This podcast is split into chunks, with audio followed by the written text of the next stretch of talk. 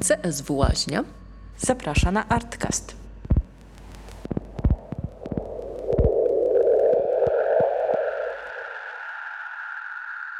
Możemy zacząć e, pierwszy odcinek e, cyklu Artcast, e, pierwszy w 2021 roku.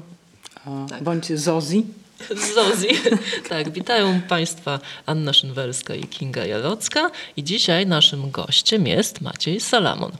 I może na początek krótki biogram. E, artysta urodzony w 1984 roku, grafik, muzyk, ilustrator, mieszka w Sopocie, studiował na Gdańskiej Akademii Sztuk Pięknych, na której aktualnie prowadzi zajęcia z projektowania graficznego na Wydziale Rzeźby Intermediów. Wokalista i gitarzysta duetu Nagrobki. Twórca teledysków i animacji, wielokrotnie nagradzany za swoją twórczość. Prowadzi galerię Gablotka, która od 29 wystaw prezentuje prace artystów związanych z Pomorzem. Dobry chłopak. tak, i tak przed chwilą rozmawialiśmy o tym, właśnie jak jest z galerią Gablotka. Tak, czy, masz czy, szansę czy... zdementować swój własny bios. Y, ja w ogóle musiałbym, jeśli mogę zobaczyć ten biogram do ręki Proszę. i może ja go całego zdementuję. No. Y, grafik, muzyk, ilustrator. Jeśli chodzi o grafik, to rzeczywiście ukończyłem Wydział Grafiki na Akademii Sztuk Pięknych i y, jeszcze kilka lat temu bardzo dużo projektowałem jako grafik, ale to mi się właściwie skończyło i teraz jedyną grafiką, jaką projektuję jest grafika dla zespołu, w którym gram ewentualnie dla dwóch zmian, czyli klubu kawiarni, którą współprowadzę. Mieszka w Sopocie, to jest nadal aktualne, ale już za trzy miesiące nie będzie aktualne, wracam do Gdańska. Mhm. Studiował na Gdańskiej Akademii Sztuk Pięknych, to się jak najbardziej zgadza, gdzie aktualnie prowadzi zajęcia z projektowania graficznego.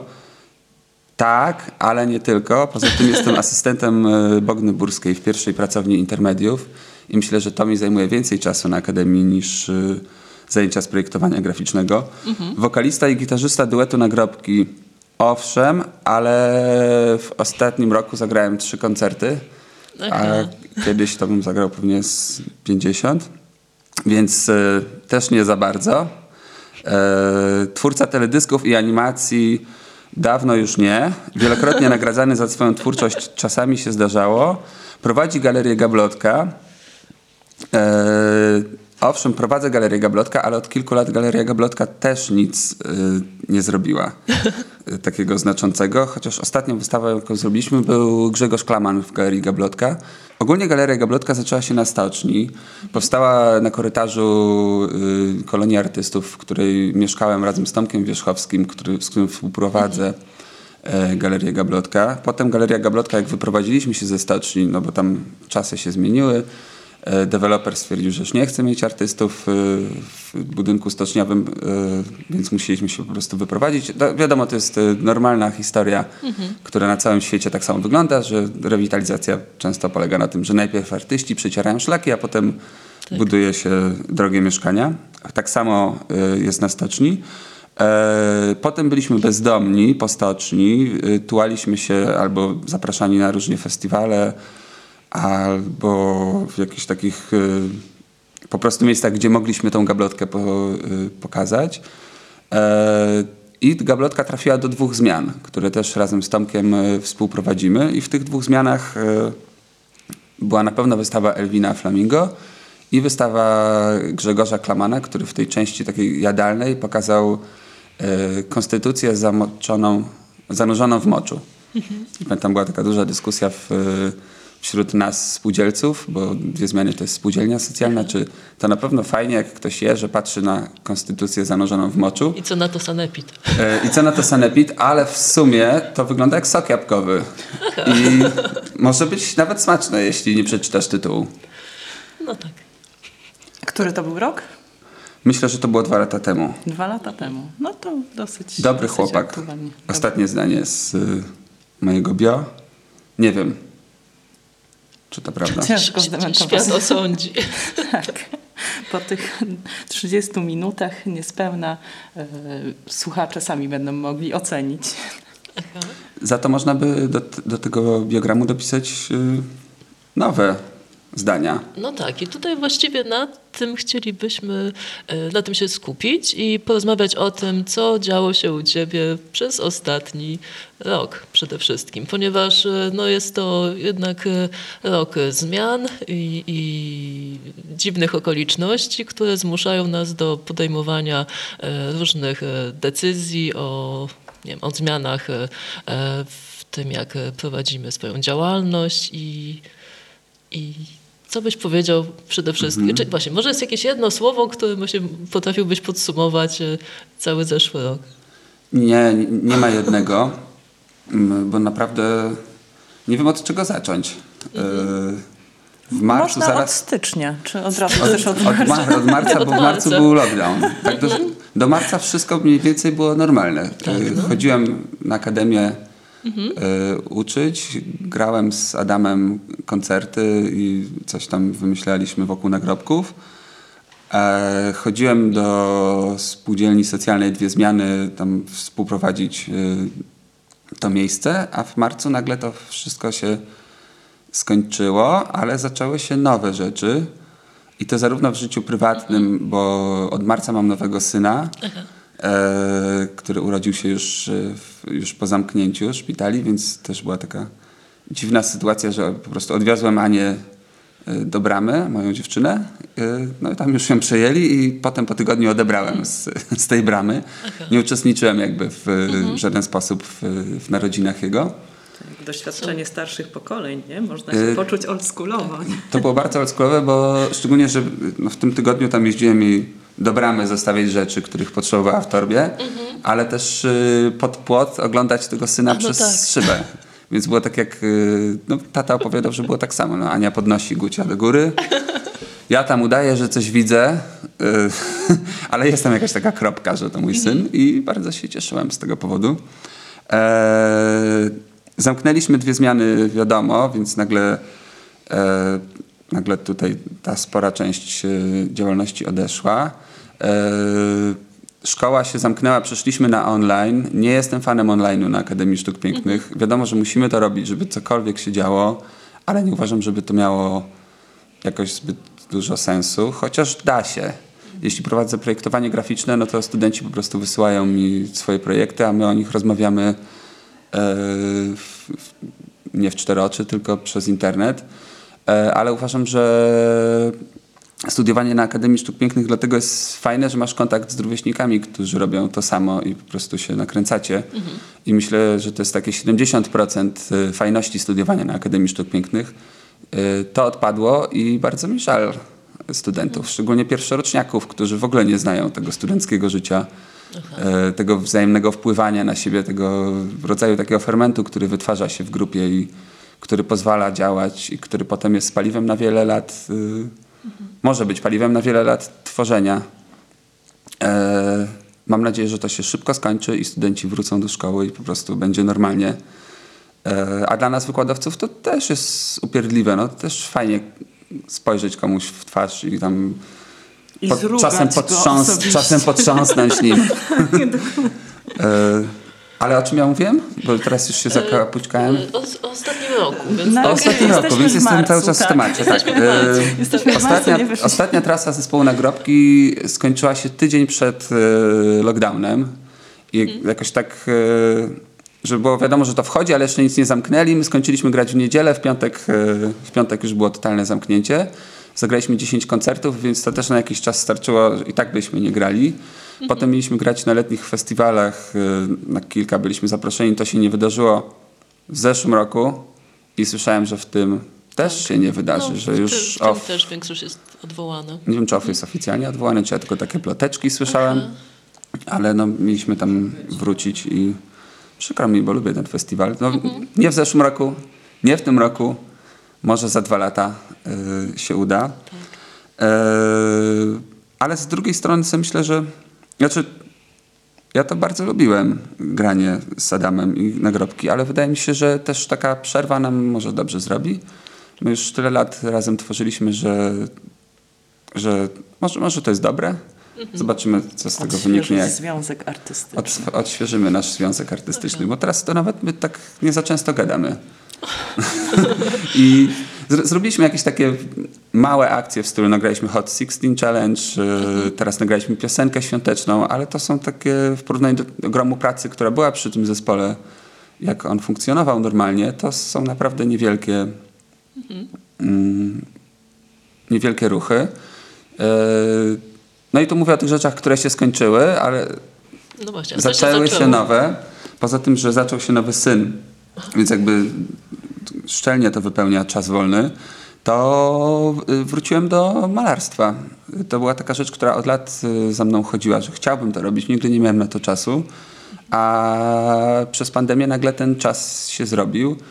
E, I do tego nawet zrobiło się miejsce, bo najpierw malowałem w domu, ale po jakimś czasie przeniosłem się do dwóch zmian, więc y, mam po prostu 100-metrowe atelier przy Monte Cassino w Sopocie. E, Więc y, jest to ekstra. Dobra zmiana. Jest to, jest to ekstra, chociaż oczywiście życzę dwóm zmianom, żeby jak najszybciej się otworzyły i żebym się wyniósł y, z tego 100-metrowego atelier. Ale to jest taka dobra strona pandemii. Aha, no tak, no z tego co zaobserwowałyśmy, no to firma portretowa, przynajmniej na samym początku, właśnie bardzo świetnie się zaczęła rozwijać i, i załapała. Tak, y, założyłem tak zwaną firmę portretową y, i zacząłem od tego, że wrzuciłem y, na Facebooka trzy portrety. Pierwszy to był portret Cristiano Ronaldo, który jest moim idolem od wielu lat. Tak, wspaniała postać Wspaniały pierwszego portretu właśnie. Jakoś tak. nie wiem, wydaje mi się, że. Bo są we współczesnej piłce nożnej, którą się bardzo interesuje, y, są dwaj superherosi. Ostatnio ten obraz się co prawda troszeczkę zburzył, ale tacy dwaj bogowie to jest Cristiano Ronaldo i, i Messi. I Messi jest takim uosobieniem super talentu. Facet, który y, myślę, że nie wiem tego, ale tak czuję, że niespecjalnie ciężko pracuje, ale wszystko mu zawsze wychodzi. Jest, y, jest po prostu wybitnie utalentowany. Ronaldo nie jest tak utalentowany, ale do wszystkiego dochodzi bardzo ciężką pracą. Jest y, po prostu tytanem, tytanem pracy. y, Dba o każdy najmniejszy szczegół i też zbił się na ten super poziom. I przy czym bliższa mi jest postawa Ronaldo. Nie jestem aż tak pracowity, ale czuję, że nie jestem jakąś super utalentowaną osobą. Za to potrafię pracować. Wydaje mi się, że czasami ciężko, a na pewno systematycznie. I to, do czegokolwiek w życiu doszedłem, to raczej wynika nie z jakiegoś super talentu, tylko z, z tego, że mam to przepracowane. Aha, kojarzę jeszcze też portret e, Diego Maradony, który wykonałeś, kiedy, kiedy, Kiedy Diego, Diego odszedł z- z, kiedy naszego Diego odszedł. świata. Jest to No. pierwszy odcinek o futbolu w Artkaście. E, no, ponieważ urodziłem się w latach 80., jak już tutaj po biogramie wiemy, to Diego Maradona był y, idolem chyba każdego chłopaka, który wbiegał na boisko y, w tamtym czasie. Y, pamiętam, że wbiegałem na boisko i krzyczałem, że ja jestem Maradona. Na co każdy z kolegów powiedział, że nie, to ja jestem Maradona. I tak y, A potem rękoczyny. i tak wszyscy, wszyscy tak mieliśmy. No, wszyscy chcieliśmy, chcieliśmy być Maradoną. Aha, właśnie taki E, rock'n'rollowiec wśród piłkarzy. Mm, No, jest, ten, jest taki ciekawy, ciekawy dokument Diego, y, w którym reżyser pokazuje, że to jest, y, że facet jest jakby, mm, przepraszam, y, pokazuje go od dwóch stron. Od strony Diego, czyli tego super piłkarza i od strony Maradony, który ciągnie tego Diego w dół i jest takim imprezowiczem, y, problemy z y, kokainą, dyskwalifikacje i jest taki dobry Diego i taki zły Diego. Oczywiście ta dziecięca fascynacja wynikała tylko z, z tego dobrego Diego. Widzieliśmy, jak on gra i chcieliśmy, chcieliśmy być jak oni. Boski. Jak on. Nie chcieliśmy brać kokainy, tylko strzelać takie piękne bramki na podwórku. Tak, to przychodzi później. No dobrze, ale to wtedy powróćmy do, do firmy portretowej, E, bo e, z tego co wiem, e, bardzo, bardzo dużo zamówień posypało się i było duże zainteresowanie portretami, które wykonywałeś. Y, Bo pierwszy był Ronaldo, zaraz potem była y, Laura Palmer, a potem był Rick Rubin, y, taki producent, Producent, y, mhm. hip-hopowy. I rzuciłem te trzy portrety z zapytaniem, czy też ktoś by takie chciał. No i okazało się, że ludzie chcą, żebym malował takie portrety, więc ja z przyjemnością zacząłem je malować i zrobiło się z tego naprawdę dużo pracy.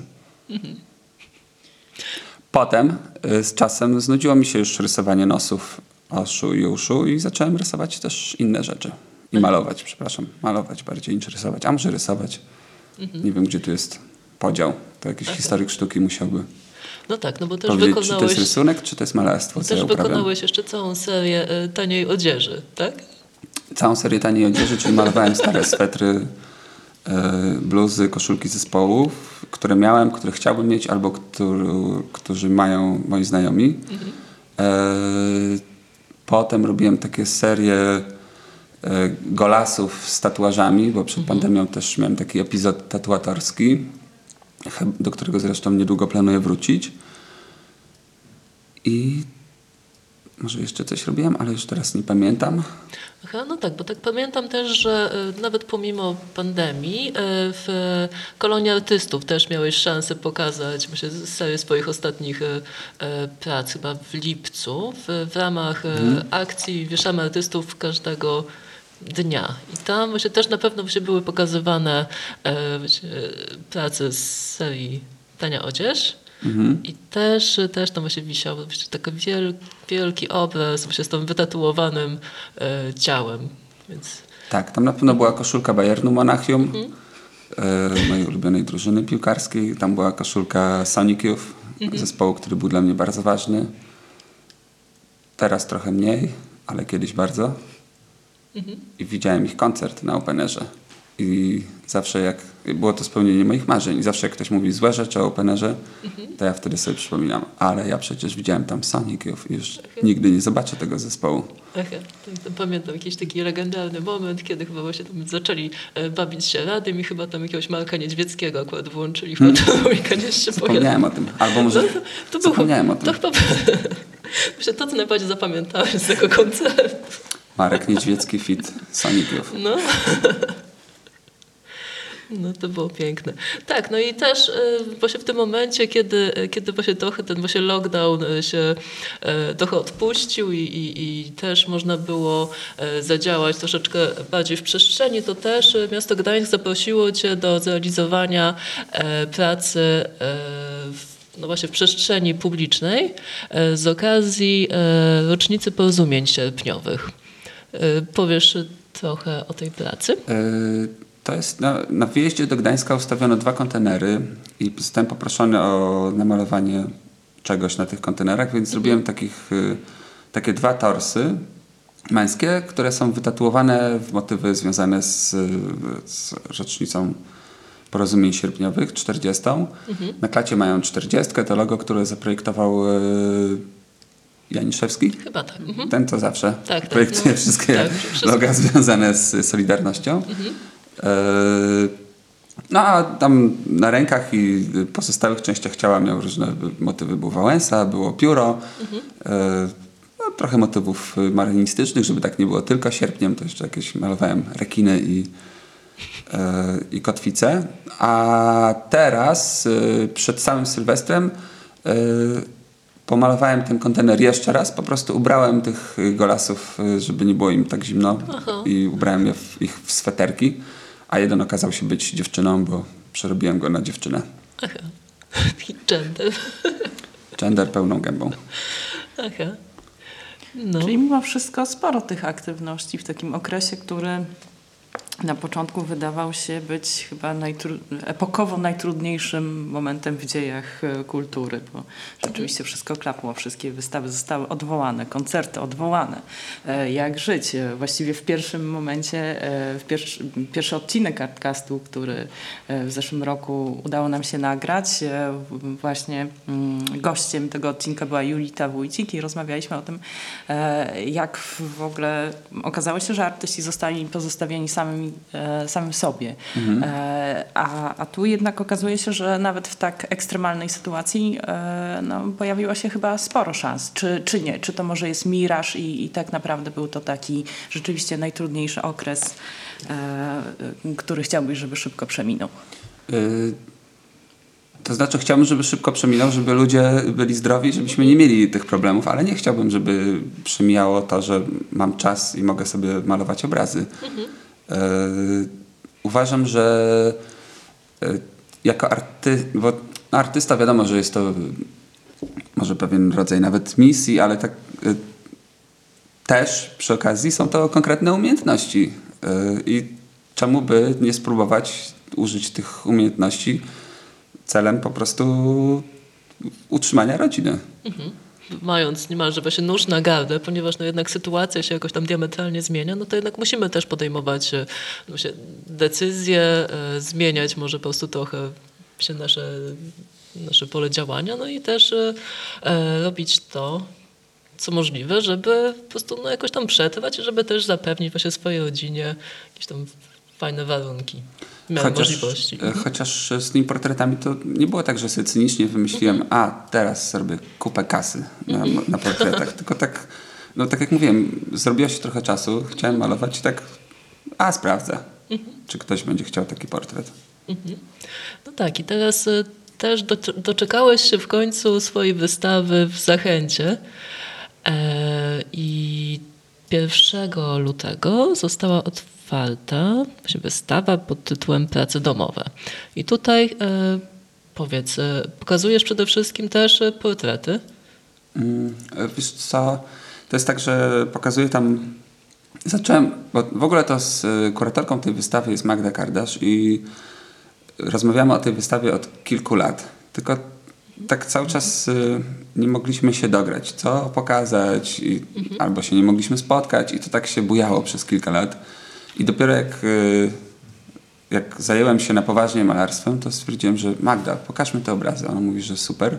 Zacząłem od portretów. Yy, namalowałem wszystkich pracowników związanych bo z, z, miejscem projektu, z miejscem projektów Zachęty, bo to jest wystawa w miejscu tak. projektów Zachęty. To jest taka kawałek Zachęty. Nie w tym dużym budynku, takim dla Sasnali i tych znanych, tylko Aha. w takim miejscu obok. Miejscu Tak, tak. projektów Zachęty. po Presa prostu. snale. O. Yy, I yy, jak wchodzisz na wystawę, to najpierw są obrazy, yy, które przedstawiają portrety, które przedstawiają wszystkich pr- pracowników Zachęty. Tam są panowie techniczni, jest Magda, która jest kuratorką tej wystawy, ale też szefową miejsca projektów Zachęty. Jest Monika, jej asystentka. Yy, Kiedyś yy, Altamer zrobił taką pracę, że zapytał panie pilnujące w, w muzeum, co by chciały, żeby ich praca y, stała się fajniejsza i bardziej znośna, łatwiejsza. No i panie w tej w ankiecie odpowiadały na pytania Altamera, tam pisały, że kwiatki, że telewizor, że jakaś lampka mogłaby się znaleźć i on wtedy to wszystko im zapewnił, czyniąc z nie poniekąd też y, obiekty sztuki. I ja podobnie chciałem jakby trochę tak y, pokazać tych wszystkich ludzi, którzy stoją za za wystawą i swoją ciężką pracą sprawiają to, że ta wystawa po prostu się odbywa i dlatego namalowałem portrety tych wszystkich panów. y, Przy czym y, jak wystawa się skończy, to chciałbym, żeby po prostu sobie je wzięli. Aha.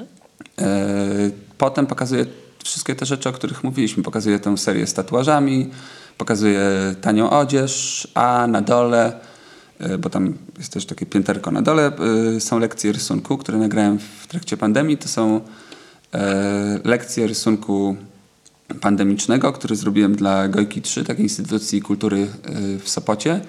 I myślałem, żeby zrobić nową pracę, nowe lekcje rysunku specjalnie na wystawę w Zachęcie, ale nie da się tego powtórzyć, bo na pierwszej lekcji rysunku, która jest tam pokazywana, y, moja dziewczyna Ania jest y, w dziewiątym miesiącu ciąży i ma wielki brzuch i po prostu uczymy się malować kobietę w zaawansowanej ciąży. A na drugiej lekcji rysunku jest y, już karmiąca małe dziecko i po prostu uczymy się rysować, malować matkę karmiącą. I jest taki stoliczek, można tam sobie podejść i wedle mojego instruktażu wykonać tę pracę, a potem powiesić na ścianie miejsca projektów Zachęty i równocześnie wziąć udział w mojej, znaczy w wystawie w miejscu projektów Zachęty. Mhm. Tak, no i wystawa y, będzie gościła w miejscu projektów Zachęty do 5 kwietnia, więc y, jeszcze mamy szansę, żeby tam pojechać ją zobaczyć. Jak spróbować swoich sił. Mam nadzieję, że się nie zamknie. Aha, no tak, no tutaj Wszyscy mamy taką na nadzieję. początku lutego się wszystko zostało otwarte, to znaczy nie wszystko, ale przynajmniej e, galerie sztuki, więc e, no, mamy nadzieję, że to jeszcze troszeczkę się utrzyma, no i też że będzie możliwość, żeby zobaczyć e, Twoje prace, e, do czego wszystkich e, gorąco zachęcamy. Tak, i zachęcamy, żeby tego nie odkładać na później.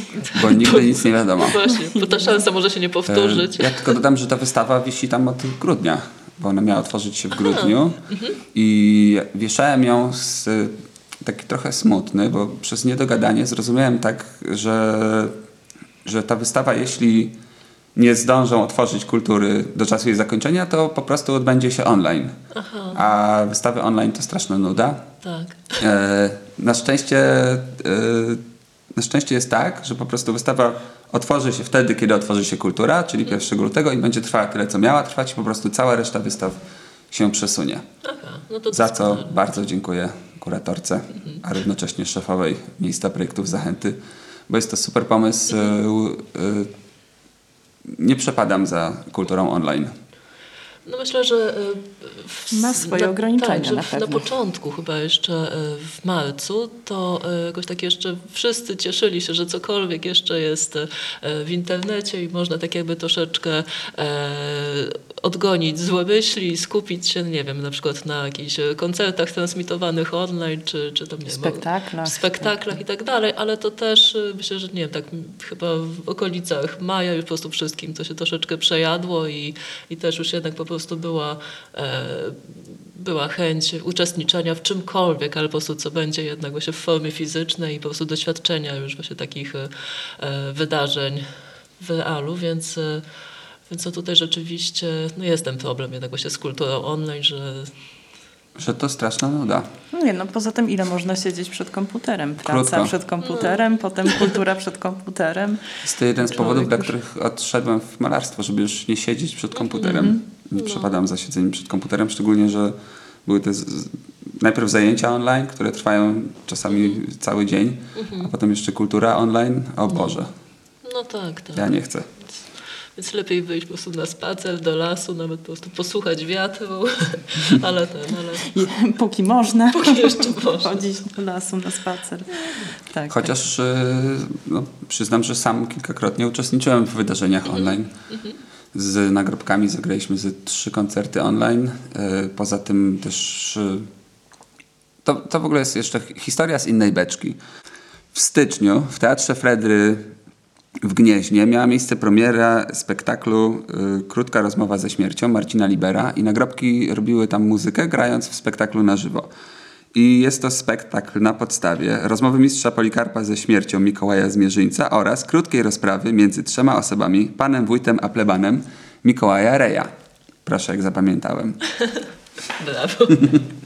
Piękne. E, I cały spektakl rozpoczyna się w ten sposób, że pan wójt i pleban rozmawiają sobie, po czym zaczynają kaszleć i kaszleć krwią, po czym nagrobki wchodzą z piosenką Zaraza. Wybuchła zaraza, osiedle strzeżone, bla, bla, bla. E, I był to spektakl niejako proroczy, bo zaraz potem w marcu, czego nikt nie mógł przewidzieć, po prostu rozpoczęła się e, pandemia. I też e, a propos kultury online, e, graliśmy ten spektakl potem online. W przyszłym roku będziemy robić e, z naszymi umarłymi Denela, też w reżyserii Marcina Libera. I Czyli znowu jakaś taka prorocza, tak? To, że powiesz, co tam Mm, to planujecie, to w ogóle jest, to w ogóle jest super książka, mogli się która, przygotować. Właśnie, to, e, jeśli to się spełni, to, to będzie naprawdę e, niefajnie. Książka jest o tym, że nagle w Polsce zaczynają e, z martwych wstawać e, ludzie. I stworzą się polscy zombie. I tylko w Polsce to się dzieje. I ci polscy zombie, y, i ci mało znani, tacy po prostu zwykli umarlacy, ale też y, wodzowie, że wstaje Jagiełło, wstaje Piłsudski.